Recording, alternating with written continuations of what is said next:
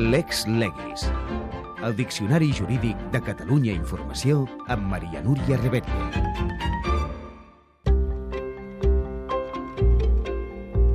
Sentència de conformitat. Què és?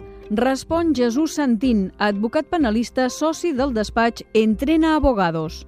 Bueno, la forma habitual de determinació d'un procediment judicial és la celebració d'un judici on hi ha una acusació i hi ha una defensa eh, i el jutge dicta una sentència. Pues una sentència de conformitat és la sentència que dicta el jutge recollint un acord al que han arribat l'acusació i la defensa. Què implica, doncs, una sentència de conformitat? L'acord de conformitat suposa que l'acusat accepta uns determinats fets i la consideració com a un determinat delicte amb la corresponent imposició d'una pena. És imprescindible que les acusacions rebaixin la pena per tancar el pacte?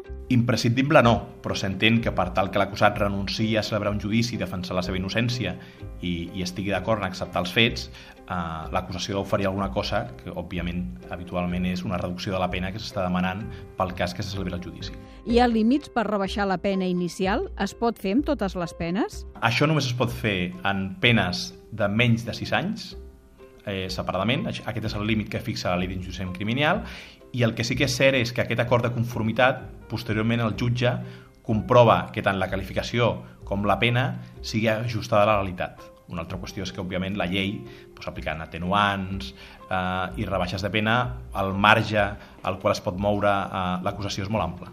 Què passa quan no totes les acusacions estan d'acord amb una conformitat? Bueno, en aquests casos, habitualment, no hi ha una sentència pròpiament de conformitat, el que hi ha és la celebració d'un judici, al qual la Fiscalia demana la pena eh, a la qual ha arribat a l'acord amb l'acusat, però la resta d'acusacions eh, demanen la pena que venien demanant. Llavors el jutge s'ha doncs, de pronunciar igualment. I què passa quan no tots els acusats subscriuen el pacte?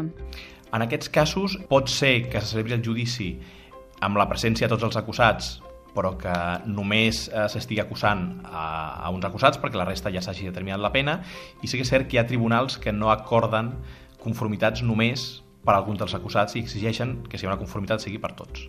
Un jutge pot trencar una conformitat? És poc habitual, però si el jutge constata que la qualificació jurídica eh, que està disposada a acceptar el Ministeri Fiscal o l'acusació particular no s'ajusta a dret, o la pena és inferior, per exemple, al marc penal que preveu el, el Codi, podria arribar a, a, a no, no validar aquell acord amb una sentència. Es pot plantejar recurs en una sentència de conformitat? Habitualment el que es fa és eh, que quan es presta la conformitat en seu judici s'anuncia també que no es presentarà recurs contra la sentència. En resum, una sentència de conformitat és el pacte al qual ha arribat l'acusació i la defensa.